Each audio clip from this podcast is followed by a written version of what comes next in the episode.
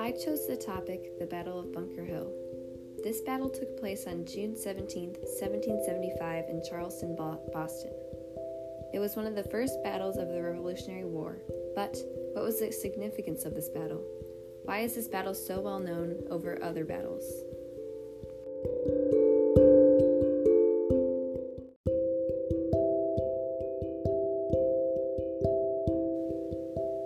This battle was significant because it gave the colonists an important confidence boost.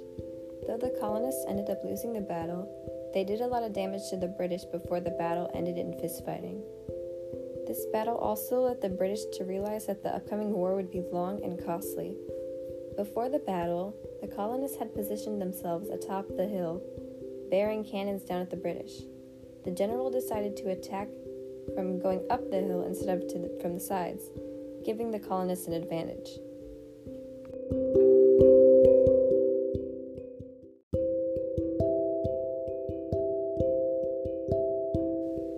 The general also told his soldiers not to fire until we can see the white in their eyes.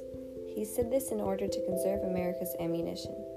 Once the British were within several dozen yards, the colonists unleashed a large musket fire, forcing the British to retreat. The same thing happened the second time that the British marched up towards them.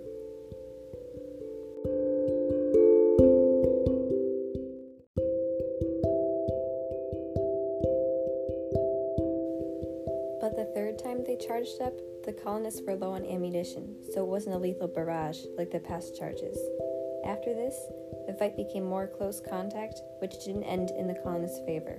But instead of reacting in sadness or anger, the colonists felt hopeful that they might have a chance at victory, seeing as they were not as experienced nor had the same resources as the British. But they still managed to inflict a lot of damage.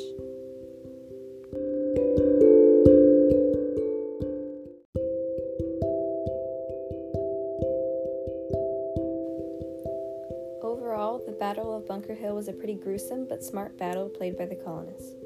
But why was the Battle of Bunker Hill important? Because it gave the British an idea of what the war would look like, and it gave the colonists hope and confidence for the battles that they were going to fight.